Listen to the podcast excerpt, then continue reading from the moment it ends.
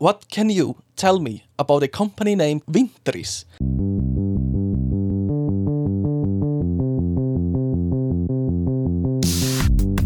Halló er eitthvað að frétta. Já það er ekkert að frétta. Já það er ekkert að frétta. Ekkert að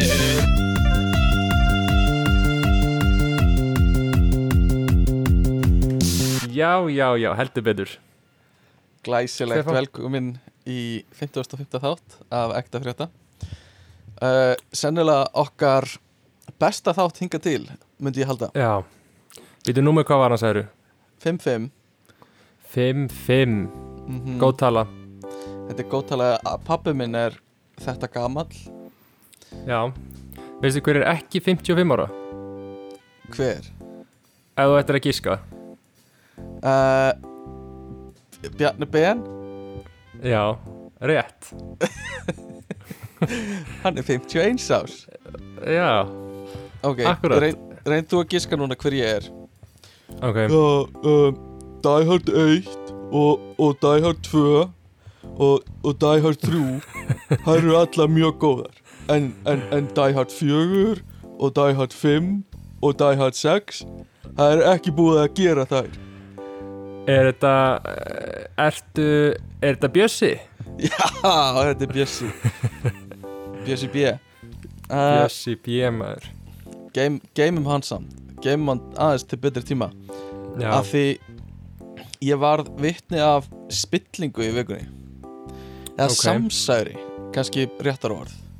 Ok. Uh, Eins og þú veist Og þú varst vitni að þessu í gegnum internetið Þá fór ég á kaffihús á sunnudaginn Já. lögudaginn Og sá, svona, sá okkar svona eitt mesta seleb á staðnum Eða svona eitt svona þekktasta andlit Skulum við segja uh, Sem reyndi að láta mjög lítið fyrir sér fara. En þetta var semst eina Mikael Töframæður Shit, það er ég er- iconic. Iconic bara mikill aðdáandi uh, Held hann sé mjög skemmtilegu líka að hann lúkaði þannig.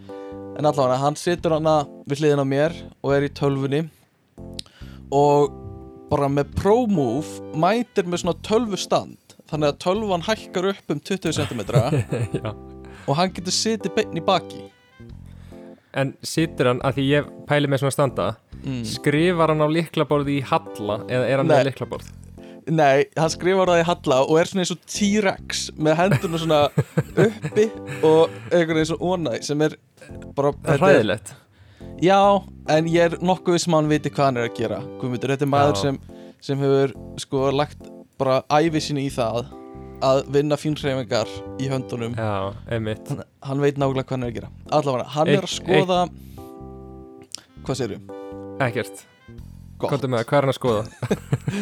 uh, Hann er að skoða spilastokka á netinu sem make a sense. Make mjög mikið Eh, sens bara mikil svona stereotýpa sem maður er dætt í samt. Uh, og þú veist, það lúkkaði svolítið eins og hann var að skoða einhverju svona svona sapngripi á endan fyrst var hann á Amazon að leita að einhverju drasli og svo fór hann á einhverju svona fíkni síðan Hann er eh, no cash. hann, á- hann á no cash. Og uh, en svo held ég að hann svona fatti að ég er svolítið að fylgjast með sko. Þannig að hann Ó. færi sig og hérna og ég hugsa ekkert meira um það ég held að hann sé bara að þú veist að vinni í að- í því að taka yfir heiminn og eitthvað svona eins og hann gerir. Uh, ég fer aftur á kaffehúsið sama kaffehús á mándaginn og ég, s- hver lappar inn? Annar en einar mig kælt höframæður aftur. Pælt í því? Já, Sama kaffehús, sama kaffehús sami tími. Og sami ég. Ennþá, aftur. Nú, ok. Ekki ennþá en aftur. Og hérna, en þetta er ekki búið af því sagan verður svo miklu betri. Um, Það vona það. ég bara veit ekki eins og hvernig það er hægt en hún verður svo miklu betri. En hann, það er eins og hann sé að býða eftir einhverjum og ég bara, hver getur það verið? Hver lætur eina Mikael býða eftir sér? Ok. Hann fer út og kemur inn með einhverjum öðrum gæja og ég bara, hver er þetta? Þetta getur ekki verið eitthvað no-name. Hann sest í, í básinn sinn og ég fer að googla á fullu. Ok, finn út að þessi sem hann er með er Daniel Örn töframæður þannig að Já. þeir eru á einhverjum töframanna fundi og, Þetta er eins og hérna, Þetta er eins og hérna, hvað hétu fundirnir hérna í Harry Potter? Hérna Mm. galdraráðið, já, þetta er þetta hérna er eitthvað svoleiðis já, fönixreglan Já. Eh, já, uh, já. Þetta er nákvæmlega þannig og þeir voru með spilastokka að sína okkur öðrum eitthvað svona eitthvað tricks og tala um eitthvað tricks og eitthvað svona. Mér finnst bara svolítið magnað að það sé spilling og samsæri á öllum stigus þjóðfélagsins. Já, þú veist líka í töframanna heiminum. Já Þú kemst ekki alls staðar. að nema þú þekkir eina Mikael og nei, eitthvað svona. þetta er nýjalur þetta er bara, ég var orðurlaus þegar ég sá þetta sko. Uh, en þú veist En sagður eitthvað? Bara með augunum sko. En hvað hva hefur þér sagt ef þú hefur haft kjarkin í að segja eitthvað hvað hefur sagt við Einar Mikael? Ég svona kýlt hann í öxlin og eitthvað svona bara alltaf í spilunum eitthvað svo leys Classic classic og hann hefði skellilegi sko. Ég væri samt til í, væri ekki til í að sjá þú veist, Amazon history hjá Einar Mikael? mhm, mhm. Öruglega eitthvað svona spandex uh, Dúfur. dúfur, pípuhattar, spil Já, uh, þú veist handjár og uh, þú veist leðurólar og, og skambissur og teyserar og þú veist þetta er Þetta ekki. er eitthvað rugglað Já, Já. en þú, þú varst nú á Amazon Flandri í vikunni. Já ég misti mig á Amazon sko. Mm. Það er, já, eins og þú þekkir þá er of auðvelt að panta Amazon Já, alveg Hérna klálega Gerur þú svona Gerur þú svona, þú veist, þegar þú ert búin að finna eitthvað sem það langar að kaupa og þú ert svona við það að fara að kaupa þegar þú segur eftir í, þú veist, þetta er ekki sendt til Hollands, þetta er ekki sendt til Íslands Já, Og- já, og gerur þá, þú veist kaupir hlutin annar staða frá ferð svo aftur á staðin sem sendi ekki til Íslands og segir You just made a big mistake. Huge. Við, Pretty woman að já Pretty Woman að í kommentum þið Nei, uh, ekki enn en núna. Ok, núna myndi ekki það. En ég er farin að versla við Amazon sko í Hollandi. Amazon.nl sko. Er það ekki bara bækur? Ég held að vera bara bækur þar. Nei, þeir eru búin að ökkra þetta. Nó, ok, geggja Og er það, þú veist, er það alveg sama verð? Já, Og- sko, þú, þú, þú sparaðir hérna Þú sparaðir sendiði kostnað Mm. Það er mjög sniðut Það er mjög sniðut En sk- sko, ég, ég tek eftir núna því ég fyrir á Amazon Ég er svona, þetta er orðið smá svona fíkla hæðun hjá mér. Ég er Já, svona, það ég byrjar að vera, þú veist, ég hleð í körfu Og stundum fer ég inn á Amazon Og ég hleð bara í körfu af svona Eitthvað svona sem ég langar í Og eitthvað svona Og lít á það sem að Þetta verði eitthvað svona Eitthvað svona framtíðar draumakarfan mín. Já, Svo er ég bara, þú veist, titra ég bara með músina yfir proceed to checkout takkanum já.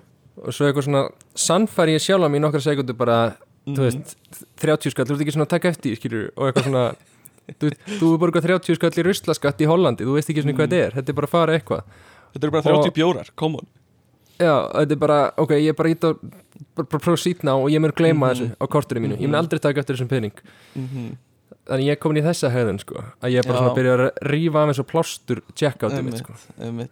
Þetta er, ég, ég komst aldrei svona almennlega inn í þetta þegar ég var úti eh, þó þetta hafi verið mjög þægilegt bara því að þú veist ég leifði alltaf körfunni að matla í bara nokkrar vikur eða mánuði áður en ég þorði að kaupa það sko. Stefi, þú ert nú reynda rosalegur Amazon maður, látt ekki eins og þú hafir ekki verið í þessu, þú varst alveg full on í Hollandi. Já, já, en það sapnaðist oft upp í svona sendingar sem ég var búin að vera að geima og svo loksins svona vann ég upp kjarkin í það að íta og kaupa takkan Stefi, ég tæmdi herbyggið út í Hollandi þegar við fórum heim. Já, og þetta voru bara einhverjir nuttrúlur og boltar og einhverjir tegjur og þetta var mics, standar og þetta var endalist drastli mm, reyndar skildi eiginlega allt eftir af þessu Já. drasli. Þetta var, þetta var góð gjöf fyrir næsta sem kom inn í herbyggi Eða, uh, fyrir ruslið basically. Já, fyrir rusli En þú ert að nota nýjan mikrofón með Já. okkur hérna Bjóðum hann velkomin Takk. Við ja, vonum að það hljómi ágætlega. Já, það kemur í ljós. Hann var ekkit Mhm. rosalega dýr. Nei. Semst ekki er- vegan. Jú, hann var dýr. Já, En ekkert rosalega dýr. Ok, ég skil. Mjög gott. Fíla það. Mjög gott. Já, en eru þið einhver svona svona skipulagsdúsi núna með City Hall og skrá ykkur og eitthvað svona. Já, eða Júlia, ég er náttúrulega bara skráður í landið og eitthvað svona.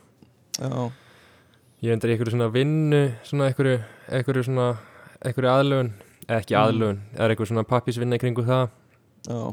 Því ég er að transition úr því að vera námsmaður. Og Og hvernig er vinna. svo tilfinning? Að vera komin á atvinnumarkaðin uh, Ég er náttúrulega ekki komin á hann En ég er í transitioninu. Mm. En þú veist, þú ert komin núna í svona síðasta svona uh, hall í þínu lífi basically, nema kannski eftirlaun. En þú veist, þú ert búin Já. með öll stig skólakerfisins og nú er bara komið síðasta það er bara ekkert annað sem Já, tekur við. Eða þú veist, maður náttúrulega fer Jú, jú, svo er eitthvað stig fyrir okkur innan vinnumarkaðar eins og svona. Það? Já, nei, þetta er búið, þetta er bara niður við núna sko. Og svo náttúrulega, þú veist Byrja í golfi stíið Reyndar, reyndar Byrja í veiðiferðum. Já, byrju veiðiferðum Þú veist Ráða einhvern í fjölskyldunni í fyrirtæki eitt Skrá aflandsfélag Þetta er allt svona einhver stig sko. Já, já, taka hérna Og taka lán, ég á ennþá ekki Jú, ég á reynda námslán, mm, Til hann ekki takk fyrir það. Mm. Ó, já. En- Þetta er Já, þetta er endastöð Svona Í skóla, skólagöngunni Já, en það er líka bara orðið fínt. Já, klálega, klálega það er búið að fara nógu mörg ári það að vera í skóla. Alveg sammála því. Þannig að þetta er bara orðið ágætt. Mm Einmitt. En er eitthvað meira að frétta? uh, Herðu, það er Ég er búin að vera mikið í ruslapælingum í vikunni Þannig að það er svona eiginlega búið að eiga hug minn allan. Mm. Út úr því.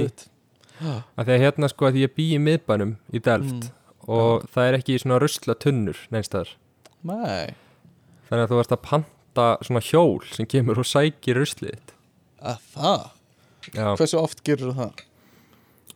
uh, sko ég var með ógeðslega mikið rusli núna Þannig að ég þurfti að Mhm. panta það og svo þurfti ég að henda það út á götu þeir gátt ekki tekið allt og þeir sérst alltaf að koma aftur svo komið þeir ekki aftur og svo opnar veitingastæðurinn og ég get ekki alveg verið með rusli út á götu ég get heldur ekki lappað með rusli í gegnum veitingastæðin þannig að þetta búið að vera rosalegt rosalegt flækjumáli hérna. Já, ok. Og það er mjög áhugavert. En Eh. nágranni minn á neðri hæðinni hann, hann losaði mig við rusli í morgun. Já, ok, hann hitti ruslagæðan og hann græði þetta fyrir mig. Ok Þetta eru góð endalok á, á ruslasöguna. Ég heyrðu að það var á kaffihúsi. Ertu búin að finna þér eitthvað næst kaffihús til að chilla á? Uh, já, ég hef verið að vinna með Coffee Company. Já. Að því að það er svona alveg sérstakt lærdóms kaffhús þannig að þú veist, mm. það er svona nóga einstungum og þetta er ekki svona eins og er sko, þetta er aðeins betra á Íslandi en hérna í Hollandi þá er eitthvað svona lærdóms kaffhús þá þýðir það að það er eitthvað borð sem er svona þú mátt sitja með fartölu og læra. Já, einmitt. Þú veist, en þú átt eiginlega ekki að vera á hinum borðanum og sitja og læra. Nei, ég man að við fórum eitt sem að vorum að reyna að finna okkur stað til að chilla og læra með tölvu. Og það bara, það mátt ekki já, á mikið af þessu kaffihúsum. En þetta er mjög næst, þetta er svona bara það er allir að læra þetta, það er enginn mm Mhm. bara til að chilla Nei, og gott kaffi og ég er bara svona 50 metrum frá húsinu mínu. Mm, sem er Það þægilegt. Ertu búin að, að kjósa utan kjörfundar? Er það bara Nei, eitthvað ég, ég skeit Já, ég hérna ég, ég, já, ég bara ég mæl ekki með því fyrir fólk. Ég er vandamálið. Ég bara þurfti að fara til Amsterdam og ég bara hafði ekki tímið nei, ég skil ekki Það er alltaf lagi, við bara lifum Eða og spillingun áfram. Ég, já, ég meina, ég held að ég þurfi alveg örglega að vera búin að því, ekki? Ég veit ekki, ég er ekkert viss um En ég við- þekki það samt ekki. Ok, ef ykkur veit að þá má hann senda mig. Já, sendu mig til Amsterdam. Heyrðu, reyndar eitt. Á Já. hérna, það var það var eitthvað sem sett á Íslendingar í Holland ert, ert í þeirri grúpu? um, Nei það var einhver sem sendi um, er einhver hérna inni sem eru áhuga því að taka flug til Íslands gista í einanóft og Mm. taka flug tilbaka og þú fær flugið borgað, þú fær hótel borgað og þú fær allan kostna á leiðinni eins og matur og svo leiðis mm. og uh, þú færð hérna og þú fær líka 70.000 krónur ofan á það. Og það eina sem þú ert að gera er að þú ert að fara með eitthvað blómvönd fyrir eitthvað Gucci eða eitthvað til Íslands. Fyrir eitthvað tökur á eitthvað auglýsingu. Það þarf eitthvað blómvönd sem gleymdist eða eitthvað svoleiðis. What? já, Hvað ætlar að gera, ætlar að gera þetta? nei, var, ég sá þetta ekki. Það var eitthvað annar búin að bjóða sér fram. Ég veit ekki hvort ég hef alveg Ok. lagt í þetta sko en What? Það er mjög skrítið finnst þér það ekki? Jú, mér finnst það mjög áhugavert Hæ? Uh, já, þetta er nefnilega, þetta er svolítið, sko, hefur þú gert þetta? Nei, en ég, lík, ég bara ímynd, er ekki til auðveldari leið til að redda þessu einhvern veginn heldur en að Eh. vera komin á þann stað að þú ert að auglýsa á Facebook-grúpu einhver staðar eftir einhverju mannesku og bor, þú veist, þú ert að eyða 200 skalli eða eitthvað í þetta Já, já, einmitt, ég líka bara ekki, ok, ég skal lesa þetta, það segir einhver hérna, einhverju sem langar að fara til Íslands á morgun, 450 eurur pluss flug og gisting og allt uppi allt. Og það er bara eitthvað, my friend Sarina is working with Gucci on a video shoot in Iceland and she needs someone to pick up some flowers today, fly to Reykjavik tomorrow to deliver them and come back on Wednesday. Ok, lol What? um, ok, já uh, ég, myndi ekki nenni þessu. Ég er alltaf Sko, fyrir mig að ferðast í flugvél til útlanda Er alltaf bara svona Fimm daga prósess, sko. Já. Ég er alltaf bara eftir mig, sko. Ég, það væri alveg cool að hérna, fljúa til Íslands og geti hitt ykkur, við getum farið á djammi bóði Gucci Hvað Og- svo flýi eftir daginn tilbaka alveg cool. Reyndar Það er alveg mjög cool, sko. Ég er búin að vera að horfa á líka nýja þætti Eða ekki nýja þætti. Ég er búin að vera að horfa á þætti undarfærið Sem heita Succession. Og ok, ég mæli mikið með þeim.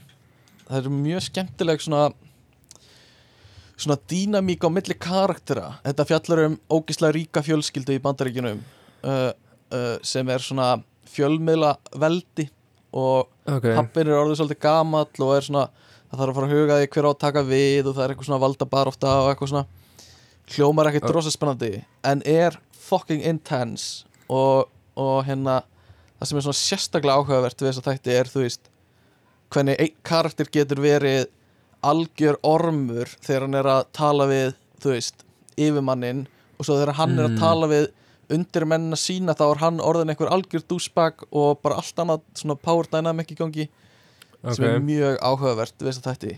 Og ég, held að, að hérna ég geti mælt með þeim fyrir alla sem eru að hlusta sko.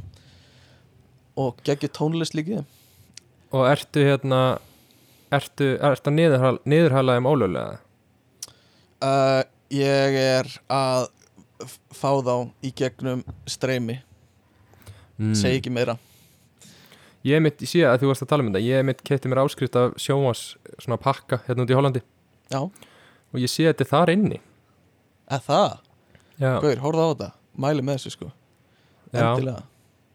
Um, en ertu með eitthvað meira? Eða bara að rá- ráðast í mál málana í dag eða? ég segja að við tökum sveðrin úr slíðrónum mhm. og ráðumst á málefni dagsins. Gera það. Uh, ég held bara svona fyrsta sem er hægt að spyrja og tækla er bara hver finnst þér vera bestu eiginleikar Björns Bjarnasonar e, sko vá, þetta er alltaf erfið spurning. Þetta er stór spurning sko. Um, ég myndi segja svona einhvern veginn hvað hann er staðfastur. Eitthvað. Sem Ok. ég finnst opbóðslega heillandi. Og hann er svona einhvern veginn sangjart og svona svona, svona samt virðingafullur einstaklingur. Mm -hmm. og, og opbóðslega skemmtilegur. Já, ymmit ég, sko fyrir mig er það svolítið hvað hann er svona uh, ónálganlegur eitthvað, þú veist, hann það er Já. svona, lítur ekki út fyrir að manneskja sem er til í að fá einhver til að spjalla við sig sem Nei. ég ber virðingu fyrir sko. Og já, hérna, já, þú veist, þetta er ekki maður endilega sem ég myndi vilja fara í bjór með uh, sem segir alveg mikið hvað hann er alvarlegur skilur já en líka þú vilt ekki fara í bjór með honum ekki að því að hann er að því að, að því að hann myndi vera leiðilegur mm heldur að þér myndi líða illa. Já, ég held það sko. Ég held það sé klárlega það. Þannig að uh, Já, Björn, Bjarnason Þetta er náttúrulega Þetta er uh, fyrirvændi dómsmálaráðra Sannlega þekktastu fyrir það. Já, og, og hérna fyrirvændi mentamálaráðra líka á, á tíunda áratugnum og svo tekur hann við sér dómsmálaráðra eitthvað 2003 eða eitthvað svo leis já, og, og hérna þú veist bara uh, hvað er hægt að segja um mann sem allir þekkja? Skilur hann er bara búin að vera svona stóð í íslensku stjórnmálakerfi.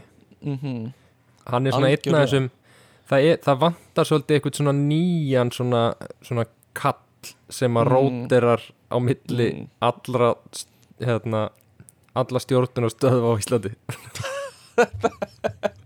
þetta að svo fyndið allan að tala um þetta. Uh, semst Björn er, er fættur 1944 og er, er sem sagt sonur Bjarnar Benediktssonar sem var borgarstjóri og, og ráðherra á Íslandi. Já, svo hann er hann, og þetta er líka af sko uh, já, þetta er á stóri ætt sko. Hann er Já. alveg bara svona típiskur Íslendingur sem, þú veist ef að ættiðin er að gera eitthvað ákveð þá gerir þú líka og það er Já. stjórnmálættin hann er sonur Bjarnar Benediktssonar uh, sem hérna varð fórsættisráðara og, og hérna og, og dó og brann inni. Uh, það var alveg svakalegt mál sínum tíma sko. Uh, með alveg bara hræðilegt sko. Og, og hérna, þetta er sonur hans og hann missir fóröldra sína 1970 sem er svolítið svakalegt, hlýtur á móta manneskjuna sko mjög mikið. Já að missa meina, báða fóröldra sína. Það, ég meina þetta er bara eins og ég myndi missa fóröldra mín í dag. Mm þetta, Það er- þú, þetta er, já. -hmm. ég veit, þetta hlýtur að vera já, hann missir þau bá, bæði, þau voru bæði Já. inn í húsinu, mm -hmm. það er rosalegt sko. Hva, það er rosalegt, sko. já, það var semst eldsvoði í fórsetabústanum og fórsetisráðurabústanum menna ég og það sem sagt bæði fórsetisráðura og konunans og tvö barnabönn þeirra uh, örðu eldinum að bráð sem er svona kannski svona eitt stærsta svona atvik uh, svona sem hefur komið fyrir íslenska stjórnmálumann uh, sem er, já ég, mað, ég veit ekki hvað maður á að segja um það. En skemmtilegt ef við færum þetta í aðeins aðra átt hann, semst Bjarni, eh, Björn, Bjarnason og Bjarni BN eru frændur svona frekar náskildir já, þeir eru svona þrjæminningar, þrý fjórminningar basically. Var ekki Uh, bróður bróður Bjarnabenn eldri eða systir er amma Bjarnabenn fórstu, nei hérna uh, já fjármálar sko, sko afi Björn, Björns Bjarnasonar er langafi Bjarna BN núna. Já, ok þannig að þeir eru, þeir eru frekar velskildir og hérna það var einmitt það- sem ég sagði. Já, einmitt, ég hlusta yfirleitt ég stundum er að hlusta á gamla þætti og kannski fara Já. yfir þætti sem við hefum gert. Og þú segir eitthvað og ég bara annarkvært kommenta ekki á það eða segir bara eitthvað já eða eitthvað svona. Og, og þeir eru hlusta tilbaka þá er svona, ok, ég, ég hefði átt að segja eitthvað þarna, ég hafði eitthvað að segja um það sem maður var að segja. En þá er Já, ég já. bara svo mikið að lesa hvað ég er að fara að tala um næst eða eitthvað svona, að ég missi af því. Þú verður að Ertu- afsaka það. Ertu með mig í eirónum þegar við erum að tala saman yfir höfuð í podcastunni eða bara fyllir inn í Eh, Næsta sem við ætlum að tala um er líka sko þetta, þetta dæmi þegar uh, og Bja, Bja, Bjarnason hefur sagt, ég hef heyrt að segja þetta og hann skrifar þetta rosa mikið í því sem hann er, hefur verið að gera er vegna fjölda áskorana. Já, þetta þú veist eh, og maður hefur heyrt marga stjórnmálumenn segja þetta, sérstaklega þegar þeir íhuga frambóð vegna fjölda áskorana þá hef ég ákveðið að gera þetta og ákveðið að bjóða mig fram. Og ég held, ég held þetta sé sko ég held þetta sé fjölskyldan Mhm. sem bara svona er saman í þessu. Það er eitthvað svona Já. grúpp á Facebook Já, The Bands sem bara þú setur inn eitthvað bara, bara, já, bara skori á mig þetta, skori á mig þetta. Já, já Mhm. ég held að það sé það sem er að gerast sko. Eða eitthvað svona bara á, á barnum og bara eitthvað svona á klaustursbar eða eitthvað og bara eitthvað, Bjarni, þú verður að gera þetta og það er eitthvað bara komin á fjórðabjóð Já, ég vil stýrt að gera þetta sko. Uh, er, er, ætli Björn Bjarna er hann svolítið svona, svona Don þú veist, heldur Nei. að hann sé svolítið puppet master Nei, hann er algjörlega á hinum endanum á þeim þræði sko. Já, ok. Ég, ég held að hann hafi verið algjör dúkka sko, fyrir Já, Davíð það. Oddsson. Já, já, já, já, já, já. Það en hann er alveg- satt með já, já, fyrir Davíð Oddsson. Davíð Oddsson náttúrulega Hann er dóan. Já, uh, með svona á, á tíund áratögnum og svona fyrirhluta á þessari öld eða snemma þessari öld þá var Davíð Oddsson alltaf bara þú veist uh, bara aðal kallinn og ég er ekki að segja út af því ég er hrifin af Davíð Oddssoni meir að því ég er það ekki en meira bara að því þú veist hann var borgastjóri, hann var fórstis aðfræði í tíu pluss ár og eitthvað svona. Já og fær, en- fær svo líkilina selabankanum og svo að einu stærsta fjölmiðli landsins. Djövill held ég að Davíð Oddsson sé leiðilur. Já, ég hef heyrt að hann sé svolítið blöytur sko frá svona innanbúðar Já. mönnu og innanbúðar fólki Ég- og Já. fólki sem var með hann í mentaskóla að hann hafi verið svolítið blöytur þetta er erfitt að þú fær þann stimpil á því í mentaskóla Já, pældi í fólkin sem var með okkur í mentaskóla sem nota bene pottjett einhver sem verð, var með okkur í mentaskóla verður, þú veist einhver í framtíðinni.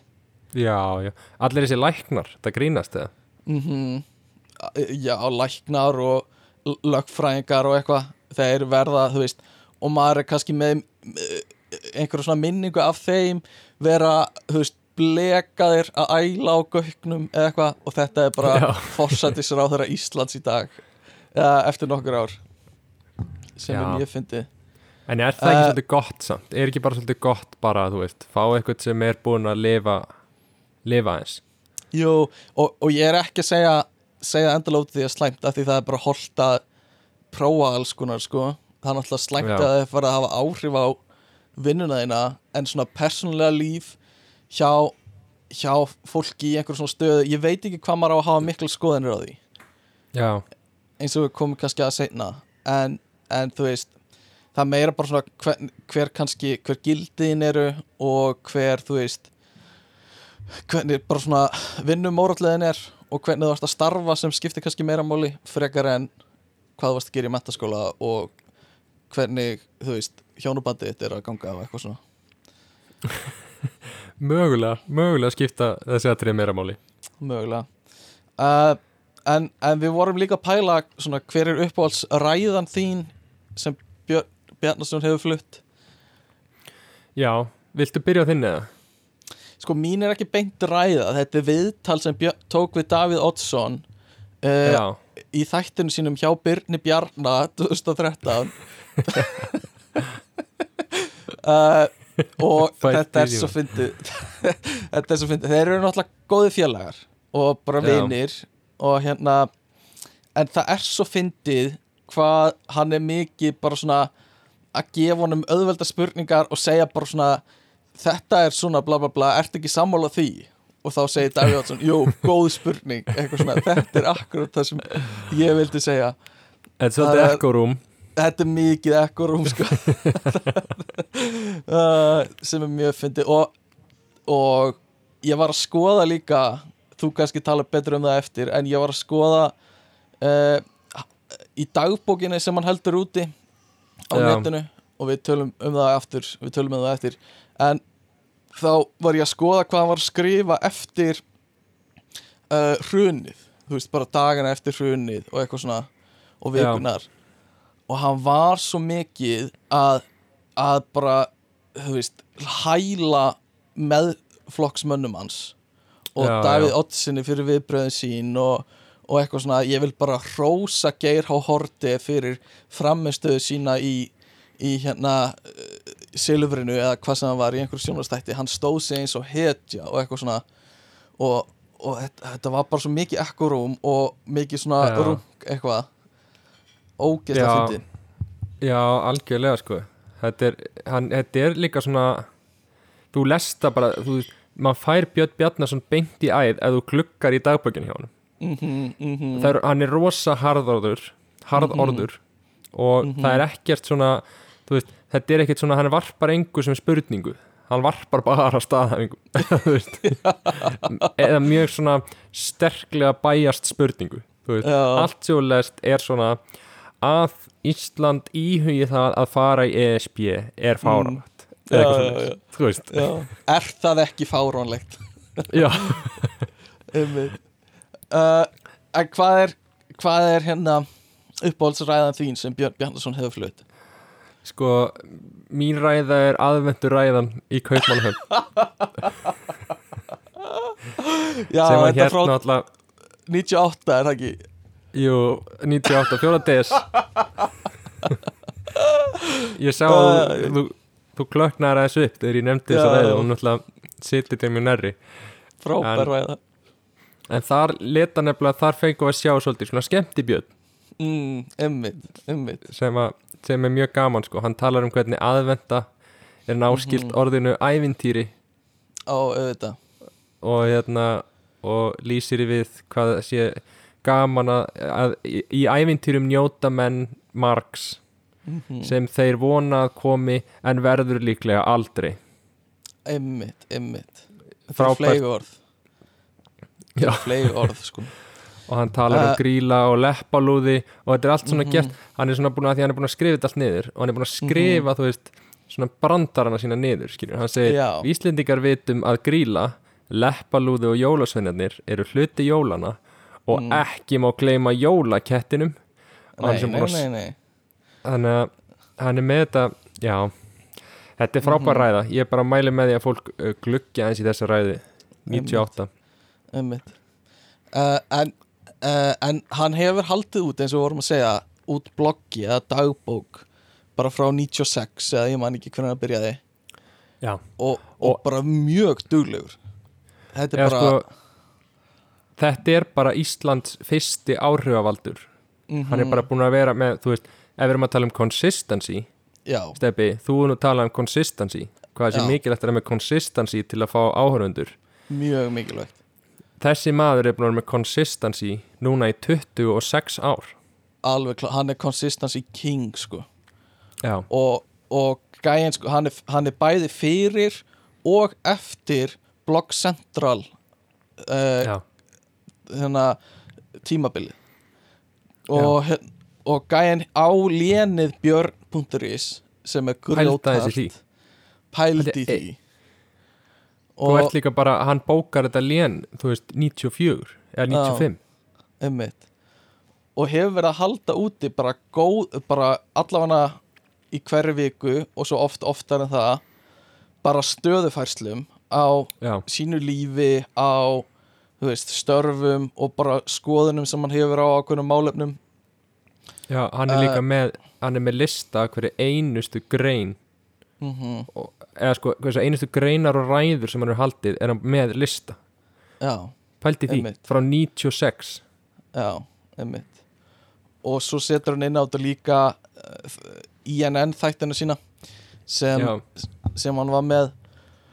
Og þú veist, þú varst að skoða eitthvað færsluna hans. Er, er það eitthvað meira sem þú vilt bæta við það eða er það bara það sem þú varst að segja á þann sko já, ég fannst bara ótrúlega áhugavert að lesa í gegnum þetta og ég bara þú veist, að lesa einhvern veginn konsistensi á manninum og það er bara eins og núna þú veist, ég held ekki að þetta svona spottað eitthvað, einhvern mun á því Mhm. hvernig hann talar árið 95 já, og hvernig hann talar 2020 mm en það er bara sama og hann er mjög áhugavert að hann er búin að tækla svona nokkur málefni sem hafa síðan gerst. Ok. Eins og hann, að, hann talar um til dæmis uh, hvað herin megi alls ekki fara frá Íslandi bandaríski herin já, ymmit, ymmit og hvað það sé mikilvægt. Og hann er að tala um, þú veist, climate change. Hann er að tala um climate change bara bara, býtu, hvað árið þetta hann? Bara áður en það var cool. Já, já, hann er bara að tala um bara climate change bara fyrir löngu síðan sko. mhm, mhm. Og er þá að tala um hérna bara á meðan hann er, hvað var hann umhverfis, nei, Hann var mentamálar á þeirra á tíundu áratunum já allavega hann er, hann, hann er búin að ræða þessi málefni og er búin að vera með eitthvað ræður úti að tala um climate change og svona, ég er svona smá sjokkar að hann trúði á climate change, ég var aðeins að vonar ég myndi finna svona aðeins eitthvað svona smá anti-vaxxer vibe frá honum Já, einmitt en Eh. hann er bara og hann er með hard take, það er bara þú veist það er bara skólakerfið er ekki í lægi við erum ekki með neitt svona Mhm. eftir eftirlit eftir hvernig skólar á Íslandi standa sig og með alls konar Mm. svona og lest aftur í tíman hans svona skoðanir áður en eitthvað gerðist. Áður en Einmitt. eitthvað breyttist. Og hann er náttúrulega ástæða fyrir að við erum í európska efnagssambandinu Já, ok. Þannig að heyra hann tala um það mikilvægi þess og, og sko að blogg 20 árum setna og tala um það hvað það var rosalega góð ákvörðun hjá sjálfum sér fyrir 20 árum að, ekki fyrir 20 árum en hann talar um sko klapp, talar um hvað hann og vinir stóðu sér nú vel í að fara í európska efnagssambandi uh, Tekur í hendina sjálfur sér. Vel gert, Björn. Það er uh, ekki góð ákvörðun hjá okkur, Davíð. Jú, Björn, þetta var góð ákvörðun hjá okkur. Þetta er, já, en hann er sem sagt Hann var í MR á sínum tíma Fættur 44 held ég.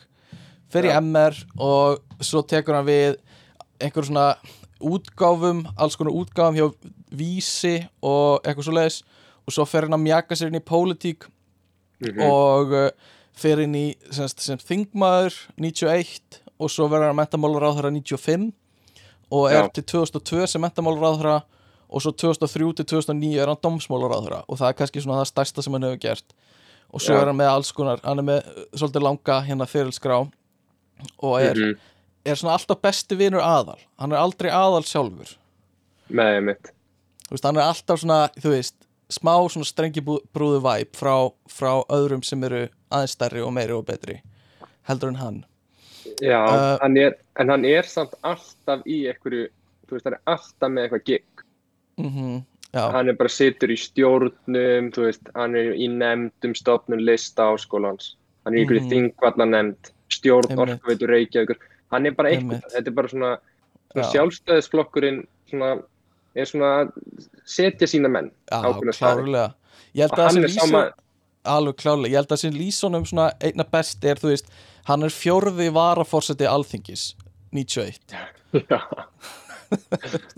uh, ekki alveg alveg varaforseti en hann er fjórði varaforseti já. uh, Hann er en, vara, varaformaður sjálfstæðisflokksins. Já. En hann hérna Hann var alltaf uh, mikið fyrir sko hernaðabandalag svona sammeilegt hernaðabandalag á Norður-Atlansafi og mikill, eins og þú sagði mikill NATO-maður uh, Mhm. og grétur stórum hérna bjarnatárum þegar, þegar Ísland fór úr NATO. Já, uh, það hefur verið erfið dagur í hans lífi sko.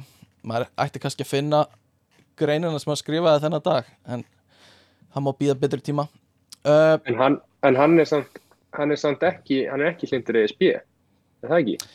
uh, nei, hann er sjálfst, sjálfstæðismadur býst ég við Já. og vill ekki missa sjálfstæði Hann en, vil ekki missa kvótan en hann vil hafa herinn. já, já, já, og, og hann vill hann vill fá hann vill fá alla kostina en ekkert á göllunum við allt svona eins og ESB og eitthvað svona já, uh, en, Bara klassíker. Já, bara klassiker Mín pæling er samt Ef þú mættir fara í Ef þú getur farið í frí með Birni Bjarnasinni Hverjir Ok. væri svona topp staðinni sem þú myndir reyna að fara á? Um, sko í fyrsta leið þá, þá langar mig ekkert í frí með Birnir Bjarnasinni Guðmundur en ég held, ég myndi vilja fara eitthvað sem hann væri svona algjörlega úr sínu elementi. Já, Þannig svona sjokka kerfið aðeins. Já, ég verði Ok. til það sko. Ok, og ég held bara einhvern veginn, þú veist, það væri eitthvað svona bara bali. Mm, já Ég, ég ætti erfitt með að sjá hann í hlýrabúlu og, og stöðbuxum, sko. Já, að þá erum við bæði með það mm og líka svona óreglu í, í svona einhverjum, í svona einhverjum, einhverjum reglugerðum í stjórnmálum og svoleiðis. Einmitt, einmitt, ég skil ekki Já, það er alveg, það er mjög mikið, það er sjónum með, sko. En hvað Uh, varst þú að hugsa? Sko ég var eiginlega að fara akkurat öfugt Svona hvar er hann í sínu skemmtilegasta standi og ég var að hugsa eitthvað svona eins og færiðar eða eitthvað uh, sem gæti verið sem hann gæti fílað uh, já, en svo var ég líka að hugsa kannski vesturfarar svona í, í bandaríkjanum á Kanada kannski, ég, kemur ekkert á óvart ef hann væri mikill aðdáandi að, að svona þessari sög á Íslandi þegar fullt af fólki fór til bandaríkjana vesturfararnir og hann væri að heimsækja einhverjum svona, svona þekkta vesturfara staði og, og hérna ég þekki nefnilega svona eldri mann sem uh, sem er, mikil, sem er sjálfstæðismæður og er mikið fyrir mikill aðdáðandi vesturfara sko. Þannig að Já. það kemur ekkert á óvart ef hann væri einn af þeim og fara að skoða eitthvað í Kanada tengt því. Ég er einmitt, ég kem af vestuförum er það? já, sem komu aftur heim sem sáu eftir öllu og komu já, aftur heim. eða já, eða langama mín kom aftur heim. Ok, er og, og það langafi mín eitthvað varð í eftir. sögu þinni? já ok.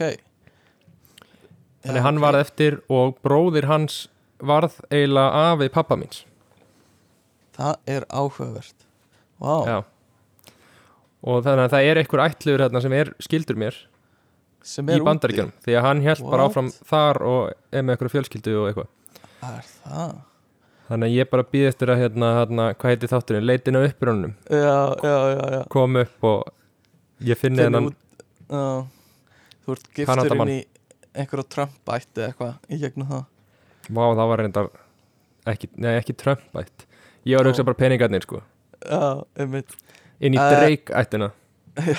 Já, en uh, svo var ég að hugsa líka veist, sérstaklega ef við færum með frændans, þú veist, ef að Bjarni kemur með okkur, þá væri Mhm. kannski gaman að fara til Panama eða Tortóla eða eitthvað, eitthvað svona Mhm. það sem hann þekkir, veist, þekkir Einmitt. svæðið og veit Já. hvað hann er að gera, skilur Björn er örgulega með Björn er örgulega með sinn pening bara inn á reikningum hjá Bjarna. Hann er ekki svona, hann fekk ekki svona eigin reikning en hann færa millifæra á einhvern annan. Hérna Daví, má ég nokkuð taka út fyrir pilsu fara að bæja eins bestu og Bjar, Bjarni er svona eins og eins og Georg Bjarnfreðsson tekur launin alltaf. Þetta er best fyrir okkur að ég sjáu bara um þetta. Já, mitt. Já, um, en sko, tengdu því þá langaði mig að tala um líka svona uh, hver er svona mestu skandalar eða svona spillingar atvik á Íslandi íslensku Já. sögunni? Og eins og við við höfum kannski bara svona uh, mest mesta síni yfir það sem hefur verið að gerast undarfærin ár. Og getum ekki teikt okkur rosalangt aftur í, í að muna eftir einhverjum atvikum. Já. Að En er þetta ekki svolítið Er þetta ekki svolítið nýtt? Þú veist, er þetta ekki gæti alveg svolítið verið. Ég þekki það bara ekki. Þú veist, var einhver að pæli því hvað bara einhver gamall fórsetisraðara var að fela penningarna sína? Eða þú veist, er þetta ekki svolítið eitthvað svona upplýsingastefnu dæmi, sko? Mm, það gæti alveg verið en svo eru líka bara einhver svona öður, önnur típa af spillingu og, og einhver svona skandulum þannig að þetta- er svona smá blanda af spæð skandulum og spillingu uh, og kannski ekki beint svona það, það er náttúrulega ekki sami hluturinn en, en ég setti það samt saman. Uh, náttúrulega það kannski fyrsta sem hann er dettur hug nýla er samherji og, og mútugreislur í Namibíu og eitthvað svona sem er huge svona spillingamál og svo er það tengt inn í veist, þetta eru allt vinir einhverja stjórnmálumanna uh, Já, já, og, og þekkja veist, að þekkjast allir hana sem er sem er svolítið mikið Ísland sko. Veist, það kæmur ekkert óvart ef einhvern tímann í framtíðinu væri einhver spilling tengd um einhverjum gömlum vini okkar úr mentaskóla eða bara við. Eða bara við að selja gögn í gagnafyrirtækinu okkar til Kína. Ef þú setur, skilur að því að núna erum við ekki inn í svona hóp, ekki ennþá allana mm, mm, þú veist, ef þú upplýðir núna þekki þú, þú nýtir alveg viniðina eða það nýta allir vini sína á einhvern nátt eða þeir geta, já, já, þú veist, þú veist alveg þú heyrir alveg í viniðinu sem er að vinna í okkur fyrirtæki ef að þú vilt kannski komast í vittalar eða þú vilt fá Mhm. vinnaðar eða eitthvað. Þannig þannig að sko, hvernig myndi maður sjálfur bregðast ef maður væri bara með skilur. Það er úrslega pyrrandi þegar þú ert ekki með Mhm, en ef maður væri með þú veist, ef þú og Björgólu Tór væru bara ógstlega góði vinir mhm. og hann gæti bara svona græja allt fyrir bara þú veist, bara hefði eitthvað tengsl og svona, þú veist, væri eitthvað nei, nei, nei, ég nei, ekki, ekki gefa mér vinnu þarna ekki gera mig að segla bankastjóra þú veist, Já. Ég var, þetta er svolítið svona Ég var að hlusta á podcastum daginn með bandarískum grínistum og þú veist, þeir voru að tala um hérna um, það var svona kom upp skandalamál í bandaríkjunum fyrir kannski tveimur árum það sem var fræg leikona sem var uppvísaði að að múta háskólum til að fá börnunar inn í háskólan emitt það var leikona sem leik í Desperate Housewives leik Já. Lynette Lynette í Desperate Housewives en, Mhm. en hún hérna hún var dæmt fyrir það og þessi grínistar voru að tala um þetta í podcastinu og þeir voru bara að segja bara hættu að e- bara, bara hættu að bara hérna tölu bara opið bara no bullshit þú myndi gera þetta líka. Og, bara, og þeir Já. voru bara ég myndi, ég myndi ef ég hefði átti sjansa og börnum mín kemist í betra nám já, já, ég myndi gera þetta líka. Já, ég myndi taka það, þú veist, ég myndi bara borga á múta skólanum fyrir að fá barnum mitt inn í besta háskólan sem er áhugavert að að heyra bara fólk segja, sko. Já, ég meina hversu margir bara í svipari stöðu voru bara eitthvað, úf, shit gott að það er ekki ég. Mhm. Já, gott að þetta var ekki ég, þetta það var svona cherry pick out einhverja sem að Mhm. einhver hefur ásakað og virkilega fyllt eftir eða eitthvað svoleiðis. klárlega. Sko. Alveg Ég- því. En þetta er leiðilegt. Já, uh, svo næsta sem er ekki spilling heldur svona meiri skandall og kannski kemur svolítið inn á það sem við vorum að tala um áðan að þú veist, mér er eiginlega mann vil ekki vera of mikið að rýna í eitthvað persónulega líf hjá fólki en það er hann að Asli Mattisson Bjarni Ben framhjóhalds skandallinn sko. Já, hann hefur verið sk- skráður á framhjóld síðu þú veist, líka ef að allir aðilar í sambandinu eru með og eru samþykir þá finnst mér ekkert að því sko að, þú veist, eða bara að vita allir af þessu sem að veit ekkert hvort það var sko. En það er svona, þau vildu meina það hjónin, já. Að þeir hefðu líka bara verið að flippa. En var þetta, þú veist, var þetta ekki svona Tinder síða bara, svo leiðis eða? já, þetta er, þetta er sagt, síða fyrir gift fólk til að hittast, hitta annað gift fólk til að sagt, halda fram hjá. Já, og, og uh, það var le lekin listi af fullt á nöfnum og Bjarni var þannig undir hennu fræga heiti Ice Hot One sem er kannski mest í skandallin í þessu er þetta nafn? Að Ice Hot hafi verið tekið. Já, og bara hvernig dettur þér þetta í hug að hafa þetta nafn? Uh, sem er mjög fyndin En er ekki, þú veist, hverjum er ekki sama? Hvort Já. þau voru þarna eða ekki? Já, að veist, þetta er svona með alla skandala, þá er þetta svona Mhm. Má, má fólk ekki bara gera það sem það vil, ég, það er einmitt málið sko. Ég er svolítið á því sko. Um, en en já, ég veit ekki. Skrítið þegar að vera að, blanda okkur í eitthvað svona sko. Eða svona al, almenningi inn, inn í eitthvað svona. Ég veit ekki hvað ég á að segja. Uh, en Ísland er spiltasta af Norðurlöndunum samkvæmt uh, Transparency International samtökunum sem er Já. áhugavert. Það er svona eitthvað sem Ísland er best í líka svona per höfðatölu Já. að vera spilt. Og þetta er, Er áttunda við erum búin að vera hana í cirka áratug. Allan á 2019 vorum við það. En er þetta ekki, þetta er tengt svona, svona skatta, skattabraskið, hegi Þetta er, jú, það eru alls konar einhverju svona sem er tekið inn í þetta oft. Uh, þú veist, oft er talað um hérna uh, þú veist, hversu hversu gaggsætt er er ríkistjórnin og hversu svona auðvelt er að koma nýri ríkistjórn á eða kemst eitthvað upp og þú veist, hérna Já, uh, þú veist, hvernig er ráðið í stöður og eitthvað svona, það er alls konar tekið inn í þetta. Og Nýja Sjáland er, er minnst spilt og svo er Danmörk og Finnland og það sem er mest, mest spilt er Sómalía og Suður Súdan og uh, já eh, fullt svona ríki í, í, Afríku svolítið. Já, og eitthvað í Asíu. Og uh, svo er þú veist Rússland er svolítið ofalega Rússland En- er já, er 100, eh, 130 af 180 Já. og Bandaríkin er er 25 af 180 þannig að En- Já, pælir þess að þetta er, þú veist, þetta ætti ekkert að koma nefnum á óvart eftir að hafa búið á. Íslandi. Þú veist, nei, svona 90% af fólki fær vinnur í gegnum það að þekkja Mm. eitthvað.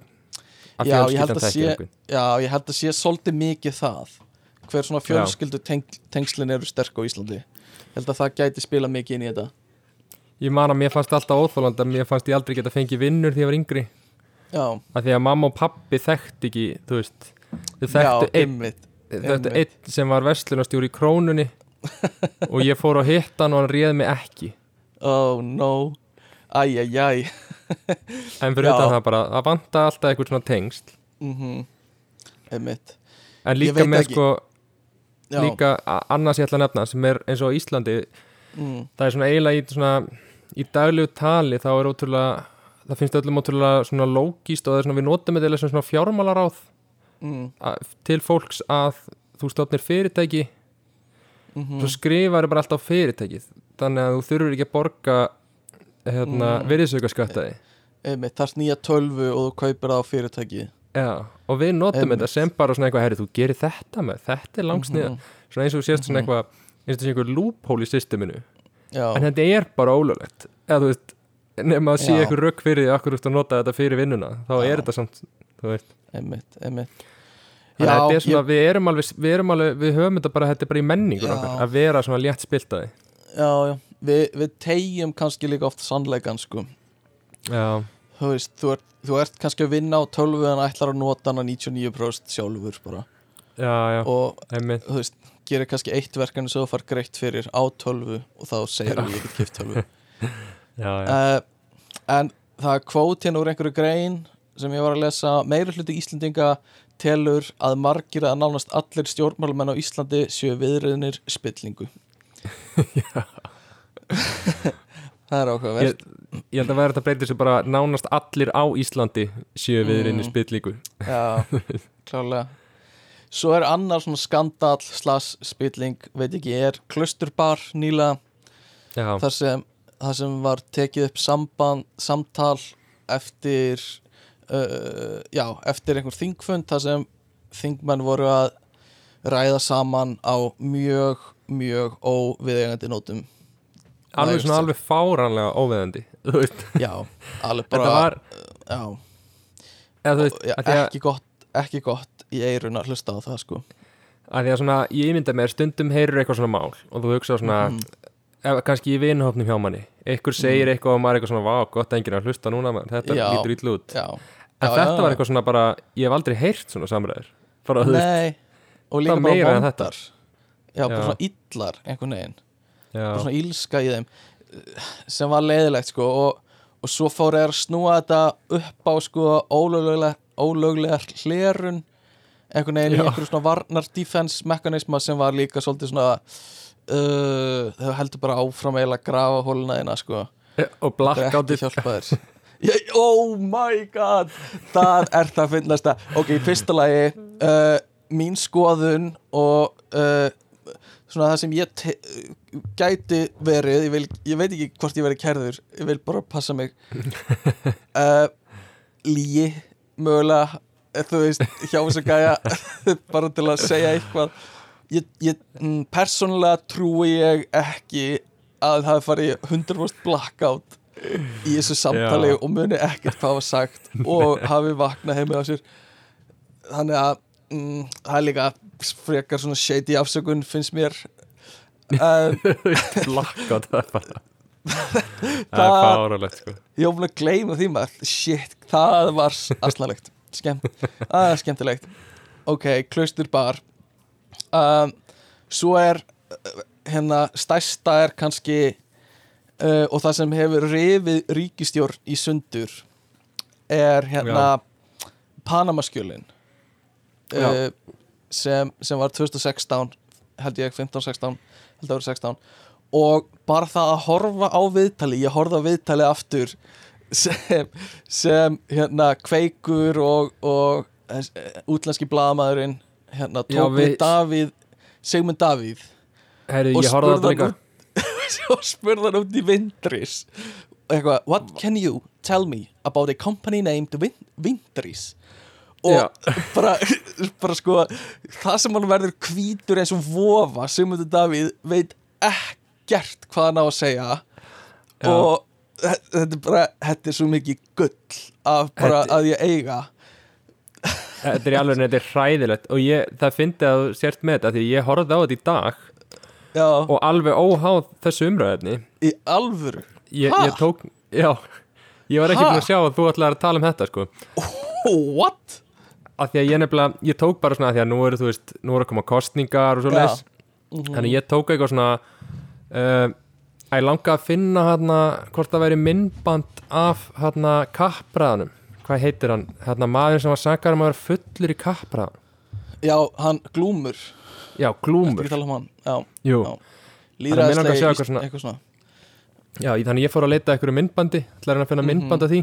Mhm. og, og ég enda bara á því að, að í einhverju svona hólu á YouTube af svona vandralegum vondum viðtölum við stjórnum ah, Já, einmitt. Og þetta myndband, þetta er í alveg þetta er svo geðveikt að horfa á þetta. Guð minn almáttugur að horfa á þetta myndband. Hann hefur ekkert svar við neinu. Nei, nei A company named Vintris Hann bara uh, uh, It's a com uh, company. I mm, veit ekkert. My wife um, eitthvað. Guð minn almáttugur. Og hann sagði eitthvað já, við, þetta bara hérna, hún seldi fyrirtækið og, og það fór í eitthvað ferli í bankanum. Og svo byrju seldi ég konunni minni fyrirtæki á 1 dollara og eitthvað svona, það var alveg hræðilegt hann vissi ekkert hvað það bregðast við sko. Já, gæðin spurði hann eitthvað Þú seldu konuðinni fyrirtæki á 1 dólar og hann eitthvað "G- Konunum minni, við vorum ekki einu svona gift. Og eins og það skipti máli eh, hvernig hann orðið spurninguna. Uh, og svo sagt hleypur Sigmundur Davíð út úr þessu viðtali með skottað á milli lappana og segir af sér uh, bara snemma, eða fljótt eftir það og búið til kostninga og, uh, og er svo núna ennþá á þingi. Uh, sem er ótrúlegt.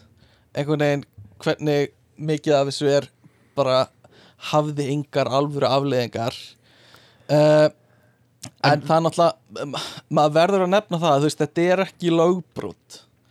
Skilur við, það er ekki endilega hægt að kæra þetta vegna lagalega nema bara að hann hafi ekki gefið eitthvað upp ég þekki það ekki alveg nógu vel en, en já, þetta er þetta er ekki ólöglegt margt sem hann var að gera sko Nei, og en fjölskyldan það bara voru að gera. þykir rosalega siðferðislega ránt þegar þú Þetta er- færir peninga úr Já. landinu sem þú ert fórsættisraður í já, fyrst og fremst bara gjörsamlega siðferðislega brenglað sérstaklega þegar þú ert að vinna fyrir þjóðuna þeina í þessari stöðu og þú veist, þú ert að búast við allir aðrir borgi skatt eðlilega bara til þess að landið bara funkar eða rétt.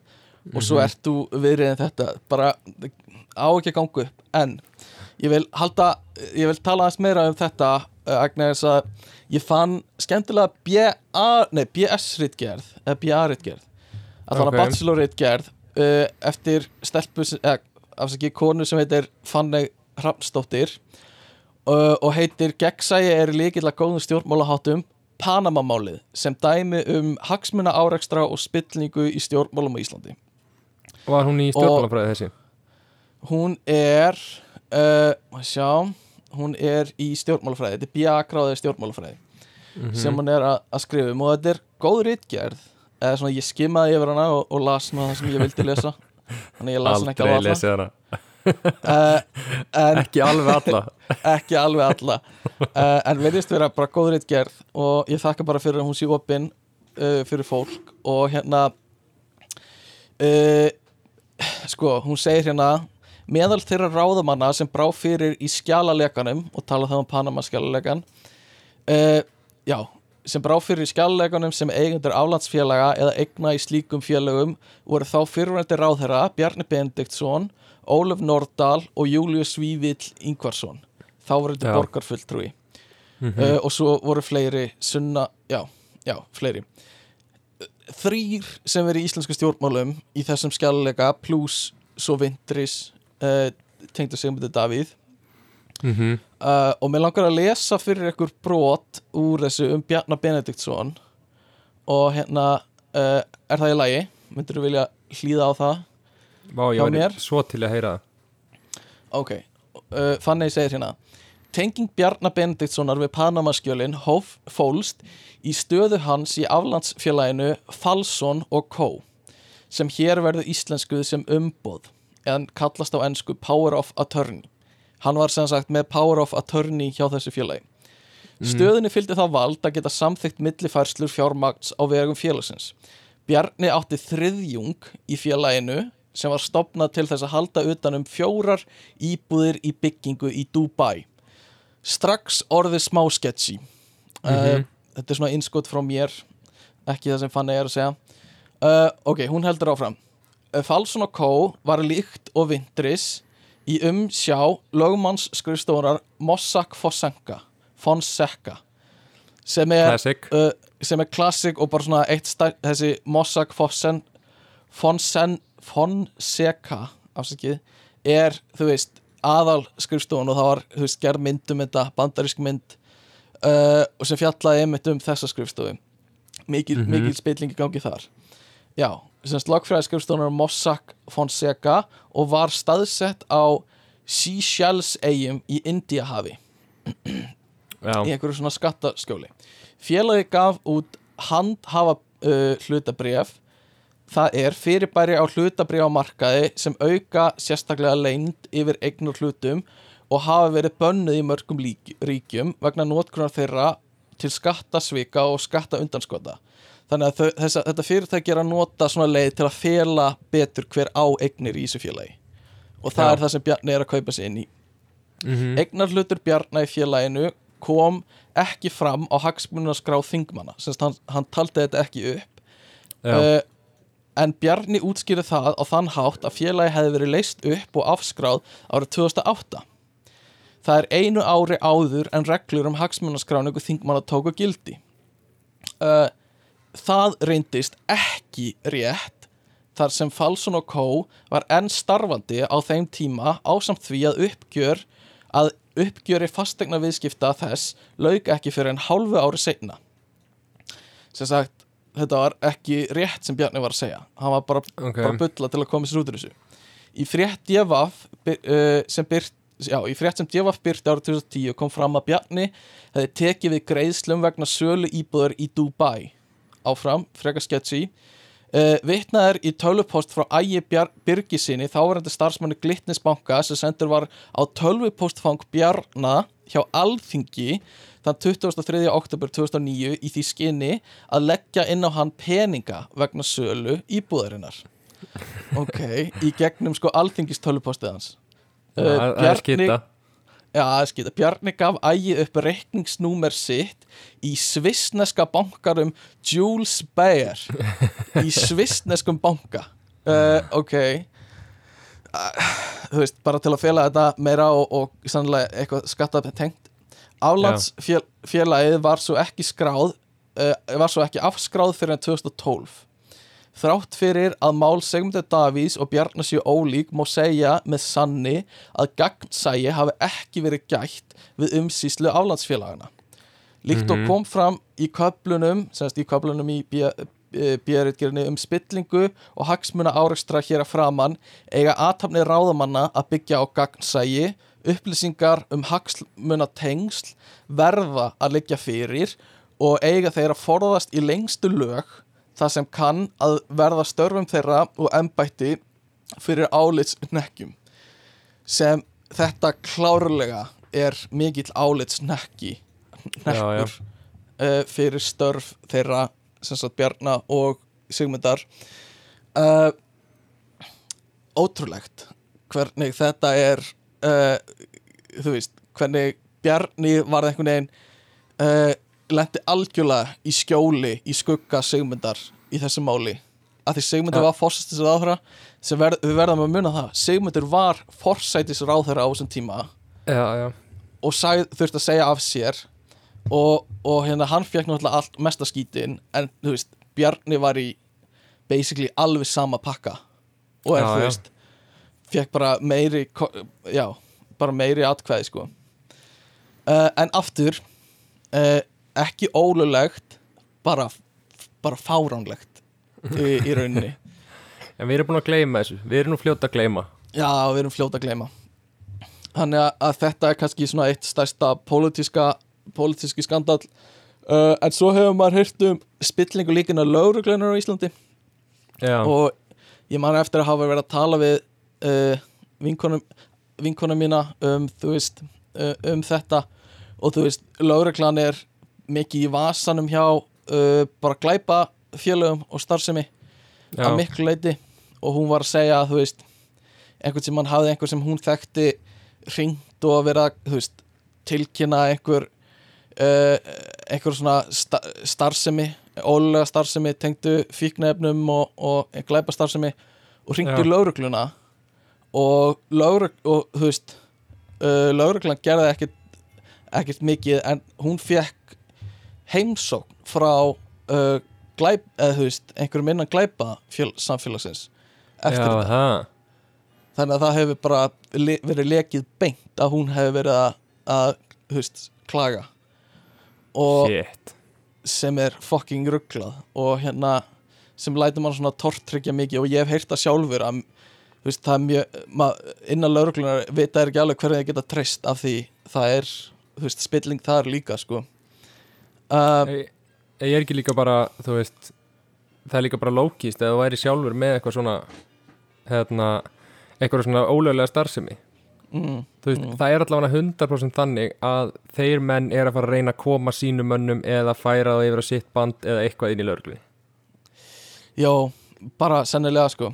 Uh, og þú veist, hvað er hvað hva stoppar þið frá því? Þú væntalega þarf að vera með reyna sakaskrá eða eitthvað áður fyrir lögregluna. Já, ég býst við því sko og, en er þetta ekki annars bara skóli og próf og eitthvað? mm ég held það sko. Uh, og en svo ertu bara keftur skiluru bara, veist, það er lág laun í lauruglunni það hefur verið hérna já. veit ég lengi að, að það geti ítt undir þetta. Það var Já, já, í nóvember 2015 uh, hafði íslensku lauruglum að verið dæmdur í tíman af fangilsi fyrir að stinga hraðasektum í eigin vasa sem, þú veist mér finnst skrítið á Ísland veist, það er asnalt að segja en mann finnst skrítið að, að gerist á Íslandi skilur við, maður hefur þýðir um þetta bara að borga í reyðu fjö og hann bara stingur inn á sig skilur. ah, ok. Bara sektar og segir ok, þú færð, uh, þú veist t- tíu þúsund konar lægri sekt og borgar þetta bara staðnum. Og svo stingur Ok. hann bara inn á sig. Uh, og svo hafði lauruglum að verið dæmdur í 15 mánuða fangilsi april 2017 fyrir að selja trúnar upplýsinga til eiturlifja smiklara mm, uh, það er svona dæmi og uh, svo er ég með annað kvót hérna í einhverja grein. Uh, meðal annars sagði fréttablaði frá því í janúari fyrra þetta er semst janúar 2018 að haldlögð verðmæti hefði horfið úr hyrslum lauruglunar á höfuborgarsvæðinu eftir húsleit á kampavínsklubnum Strawberries Þannig hefði lauruglan í húsleit tengdum málunu lagt hald á ýmsa gripi á borði Rolex úr skartgripi og þar á meðal erðagripi og reyðufjö. Þannig að þeir eru bara að taka sem sagt, eitthvað sem er hyrt úr einhverju uh, já, hyrt úr, úr einhverju svona uh, innrás bara til sín, skilur bara tekið Já, úrið ok. og eitthvað drasl. Þannig að lauruglan spilt líka mikil spilling spilli, spilli, spill Þetta er, Uh, já, maður þætti að komast inn í þetta. Mm, mm. Myndur þú þóra að prófa að reyna að lauma einum tíu skalli á næsta lauruglumann sem gefið sekt? uh, Nei. Uh, bara satt best að segja myndi ég seint þóraði sko.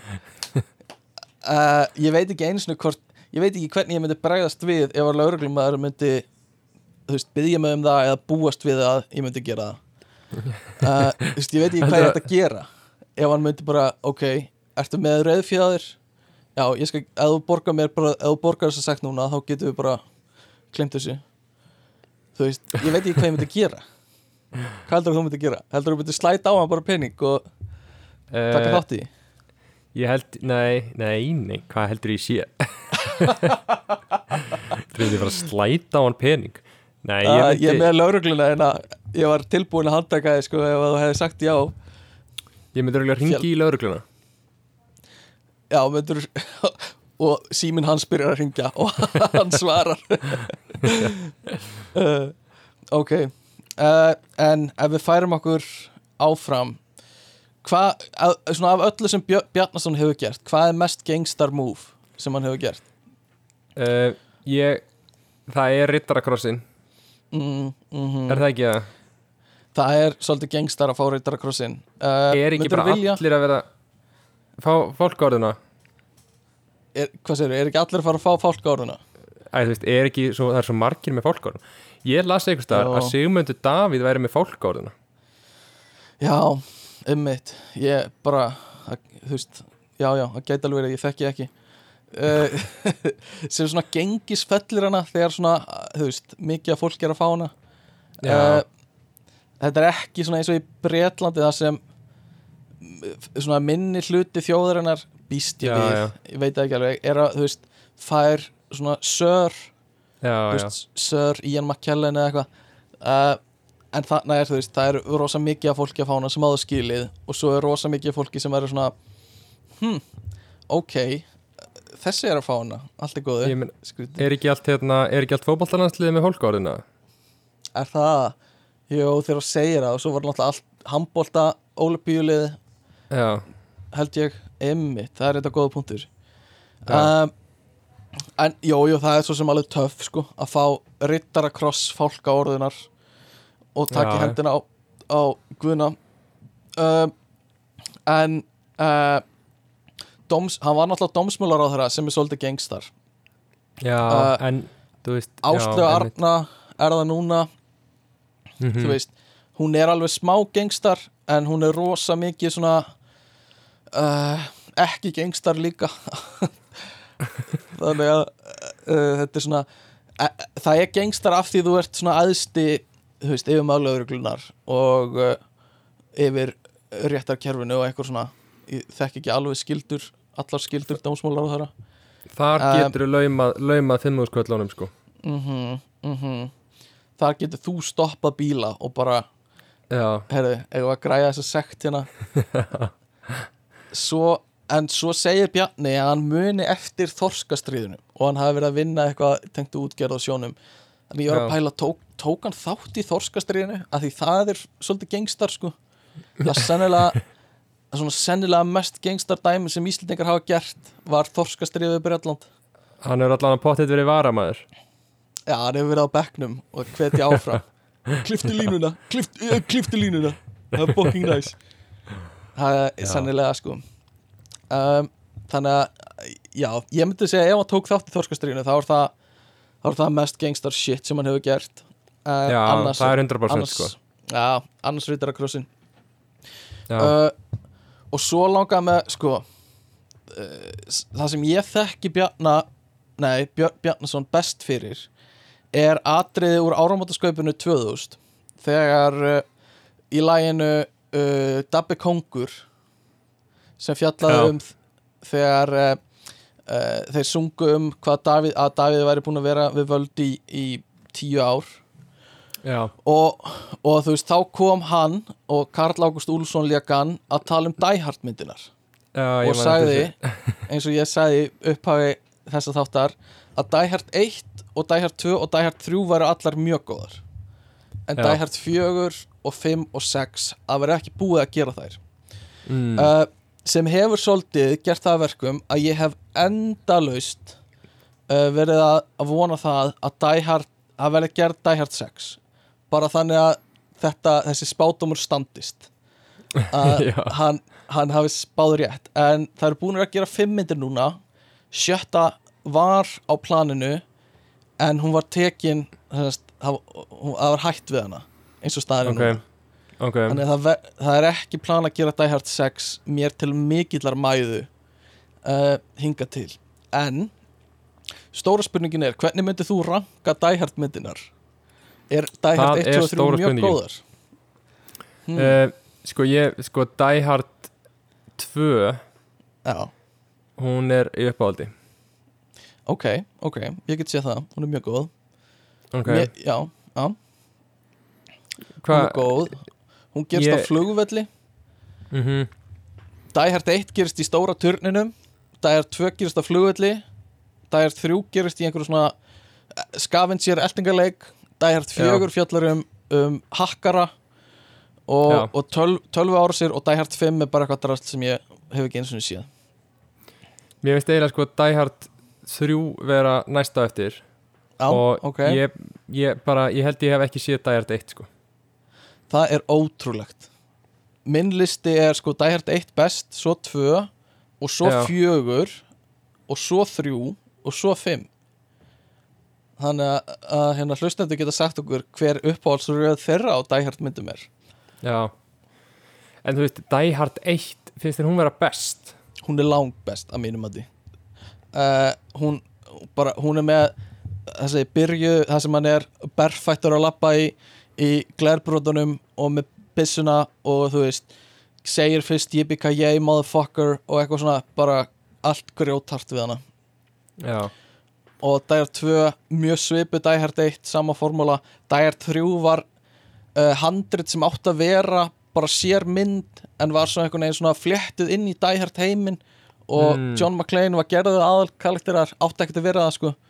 En bara mjög solid líka. Hard 4 þú veist svolítið átir, hann er að skjóta niður þyrlur með bílum bara með því að keira bílum og þyrlur og eitthvað svona.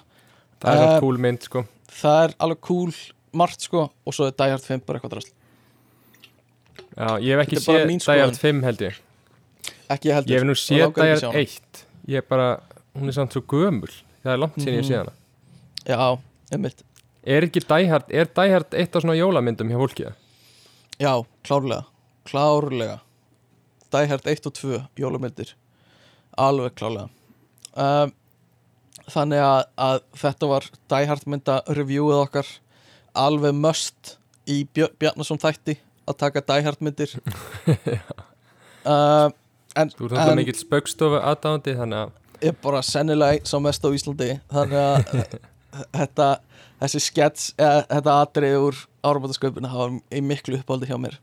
Já, og hvernig Karl Ágúst Úlsson Björn Bjarnason hefur mótar og sem mikið skoðun mín á Björni Bjarnasoni sem er uh, mjög gott líka. En ef þú værir í vasa einhver stjórnmálamanns hver værir til í að vera puppet masteriðin um, sko erum við að tala um sem sagt, sem sagt ég er í björn og ég þarf að velja mér minn og yfirmann. Björn já, bara eins og Björn var í vasanum hjá Davíð Ottssoni skilur já, og er bara alltaf að runga öllu sem Davíð Oddsson gerir og bara þetta er svo sniðið tjá þér og þú veist Björn, gerðu þetta og þú eitthvað, já, ok. Þú veist, hver heldur Já. að vera svona þægilegasti yfirmaðurinn? Þú veist, ég held að svona, skilur ef ég á að hugsa út frá svona hvað kemur best út þá held ég að vera næst að vera bara kata jak eða eitthvað svo mm, já, já, en- en samt svona held ég að væri náttúrulega best að vera bjarna, vera í vassanum með Bjarnar Ben svona upp á svona financial gain og Já, svoleið sko.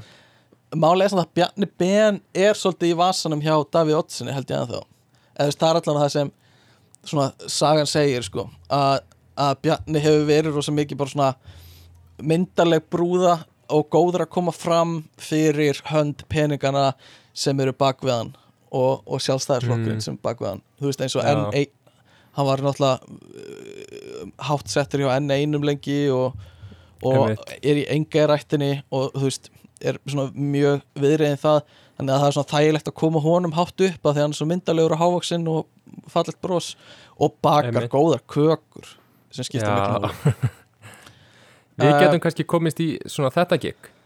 Já, það geta er alveg verið eitthvað svona front. Já, við þurfum að, bro, við þurfum að æfa að brosi sko. já, uh, Ég Sko Hannes Hafstein af því hann er uh, langa langaðu minn geti verið næs að vera svona í vasanum hjá honum. Já, en að þú ert svolítið spiltur já, já, er ekki allir íslendingar mjög spiltir já, eða þú veist, þú ert svona aðeins meira. Já, kannski. Nei, og en þú veist, Jóhanna Sigurður líka ég held að hún hafi verið svolítið töff hana á þessum tíma. Já, ég meina, er, erum við að spóla tilbaka? Því ég meina, þú ert ekki að gera neitt með hérna, Jóhannu Sigurðardóttur í vasanum í dag reyndar, eða verið í vasanum með henni í dag. Reyndar, kannski, kannski ef við erum að fókusa á þá sem er í dag einhver hjá pírötum ég held að þau Mm. getur verið einhver svona töff hacking sem getur verið gaman fyrir mig að taka þátt í. En hérna, en Vigdís Fimbo já, já, hún er hún gæti lobbyjaði helviti vel. Það getur alveg verið hún getur komið manni hátt upp stegan held ég. Já, þú væri komið byggingu á háskólasvæðinu ára veist það. Uh, öruglega pældi því maður. Vaff er hús Stefáns. Það Gunnlaugs. myndir hafa hús? Ég meina hús Vig, Vigdísar. Hvað heitir ekki? Vigdísar hús. Já. ég væri bara nýja Vaffer nýja Vaffar Stefáns hús Vaffer Stefáns hús það er bara klárt. Húsfán. Húsfán. Já uh, en svona til að uh, síðasta svona í umræðinni þá var ég með Mm. svona tegundir af, af klósettum sem ég langaði að tala um. Já, svona, mínar uppbóls tegundir af, af klósettum. Svona til að ramma inn þessu umræði sem við erum búin að eiga. Uh, sko svona venjuleg klós, golfklósett uh, gæti verið næs og hérna uh, sem þú bara eru föstu gólfið og þú Já. situr á með svona tveimu tökkum hefur þú veist, veistu munin á þessum tveimu tökkum sem eru á klósetunum já lítilega pissu, pissu, pissusturt og Mhm. það er alveg sturt það er bara mjög nýlega sem ég komst að því að það væri þú veist, fyrir það Þú náttúrulega lifir í landi sem að þú heldur að svona resources séu bara óendanlegir. Já, ég veit ekki, mér fannst að þú veist, þú ert að nota litla sturti fyrir pissið og eitthvað svona ég Já, fattaði aldrei af hverju það voru tveir takkar. Líka svo erfitt að meta Þú veist, kannski var þetta Mhm. myndalegt piss Skilur mm, einmitt, það er enda góða punktur. Og kaklar í pissinu og eitthvað svona.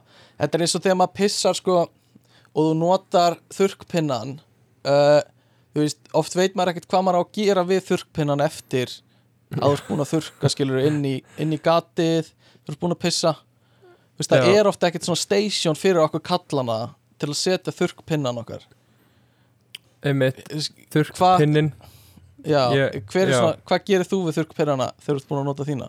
uh, Getur verið til í að útskýra þess þetta þurrkpinna koncept Já, þetta er kannski, ja, kannski fyrir svona líka stelpuna sem eru að hlusta. Veist, við kallanir erum alltaf með pinna til að þurrka þegar við erum búin að pissa veist, inn í gatið sem við förum inn í pissugatið og þurrkum með svona bómellar pinna Já, Skilurðu? fjarkurinn. Já, þjarkurinn, skilur við þurrkpinnin ég held kannski að fólk skildi það betur. Já, Þannig já, að- ég skilji veist, og það er ofta ekkert stundum er ekkert rusl eða eitthvað sem við getum sett þetta í. Nei. Ég bara er með minn í vasanum bara eiginlega alltaf. Já, ég, einmitt stundum í veskinu hjá mér en já, það já, sum klósett eru þú veist, bjóðu líka upp á það en allavega svo eru hangandi klósett sem þú veist sem ég alltaf þú veist, ég veit aldrei hvort þeir eru að fara að brotna undan mér. Já, já. Og þeir að brakar í þeim sko, það er alveg worst. Hvað ætli sé standardin, þú veist, hvað þólir svona closet mikið? ég, ég hef mikið pælt í því hvað þólir svona klósett mikið? Uh, Ég ætla ekki, það hlýtur að vera bara góð 200 kíló. Já, úf, það væri samt leiðilegt að það er ekki rétt hjá þér sko í, í sumum aðstæðum. Spinnir um, alltaf aðeins.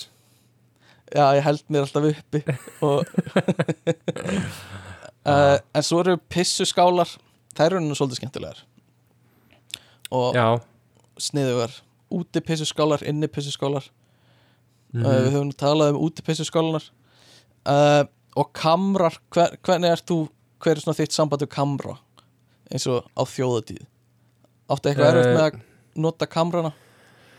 Nei, þú veist, ég á auðveldara með það heldur en að pissa ekstra annar staðar. Mm, ok, Þannig ég leit mig hafa. Ok, ok. Þú ert mikill Eh, kamra maður ég, eh, þegar ég var yngri bara meikaði ég ekki kamra bara þetta, þetta var bara mín versta martröð að nota Já. kamra sérstaklega er þegar þeir eru svona þjappaðir þetta er ógeð og það sem finnst, mér finnst allavega verst er þú veist, þeir eru þjappaðir saman rosa mikið af þeim og þú Mm. heyrir bara skýrt og greinilega eins og það sé bara be, bara einhver svona bein útsending frá öllum kamerónum í kringu þig hvað er í gangi? Já, en það er gott þegar er í gangi allt í kringu við höfum rætt þessu umræð áður. En það er Mm. gott sko þá veit ekki hver er hvað. Það lappa allir út í jafn skömmustulega. Já, já, reyndar, reyndar. Uh, en ok setjum fyrir aðstæður. Þú ert nýkom með nýjan síma sem eitir öllum penningnöðinum í.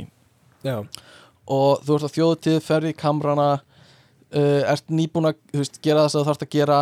Uh, stendur upp rek, reksti síman sem er við hliðina þér, hann dettur honi já, bara bless. Bara ég sé því aldrei eftir en þú sérðan, skilur þú Já. sérðan efst á þessu á öllu, þú veist, öllum vökvanum þannig og hann er ekki alveg komin ofan í. Já, er einhver sjans fyrir þig til að reyna að ná hann aftur? Nei, eða þú veist, er bara bláa drasli onni eða er þetta alveg vel fullt? Þetta er bara, þú veist uh, s- seint á þjóðutíð og það er ekki Já, búið að tæma ekki nýla séns sko.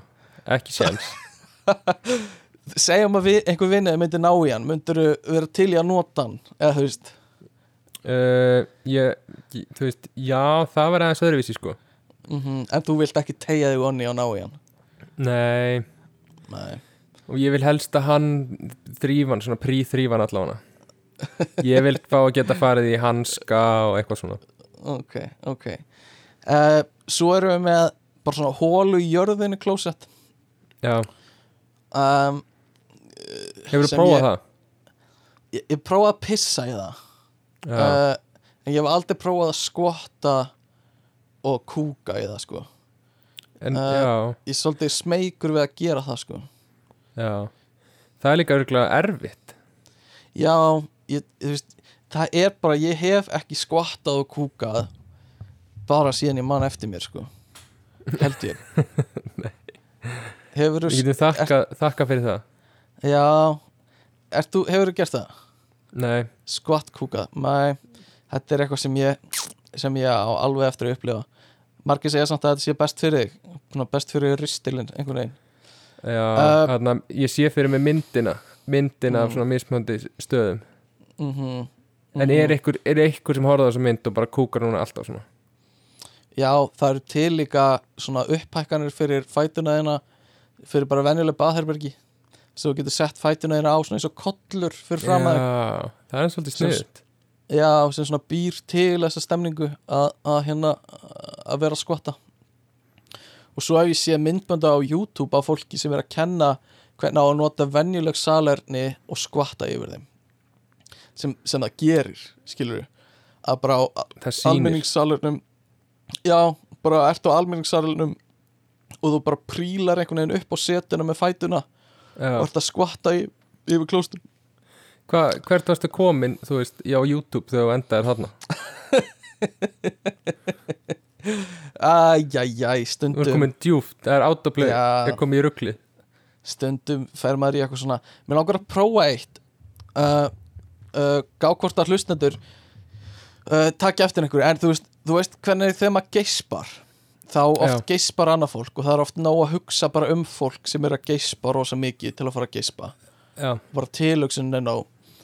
Uh, mér langar að prófa hvort að það sama gildi um þú veist það að kúast ok. Þú veist, er nóg, nóg að heyra einhver kúast svona til að einhver sem er að hlu- hlusta á þáttin núna fari óvart fari óvart að kúast með mér núna. Já, et, já því- það er ekki ég, sko. Þú veist, af því að oft er nóg fyrir fólk bara að heyra eitthvað svona hljóð til að tryggra eitthvað. Þannig að ef þið eru að hlusta núna og þið tryggruðist af kúunar hljóðinu sem, sem ég var að gera þú með endilega láta mig vita.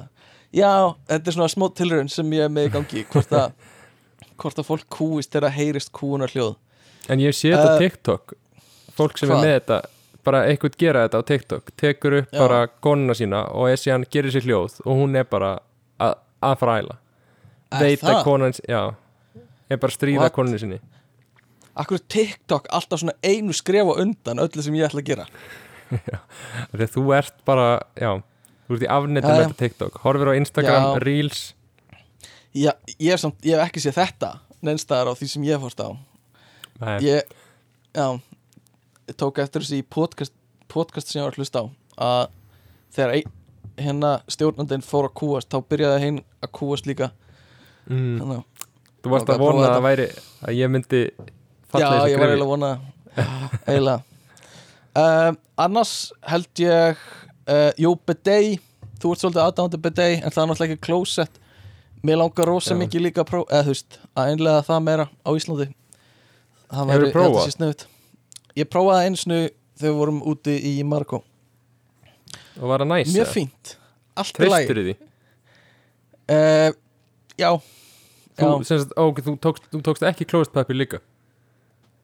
Uh, Nei, en maður þarf náttúrulega að, þurrka bossan, skilur Já, og það var alveg hreint. Þannig, skilur þú tjekkaðir?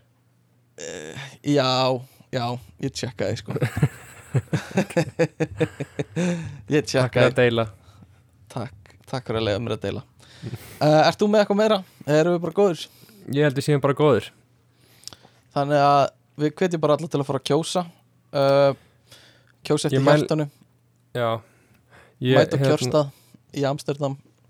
Já, mæta kjörstað og dressa sig upp. Mér langar svolítið að fá aftur að við séum dressum okkur upp fyrir kjörstað. Mm, Ég er svolítið verið að mæta svolítið svona kannski maður er bara eitthvað þunnur í sweatpants. Mér langar mhm, svolítið að innlega aftur þetta að þú klæðið upp í jakkafutt og gerir smá aðtöfn úr þessu. Klárlega til að fá að taka þátt í líðræðinu Ert Ég þú búin að ákveða hvað þú ætlar að kjósa? ég er ekki búin að ákveða það. Þú velur En eftir bara veit- svona ætlar að skoða litina og eitthvað.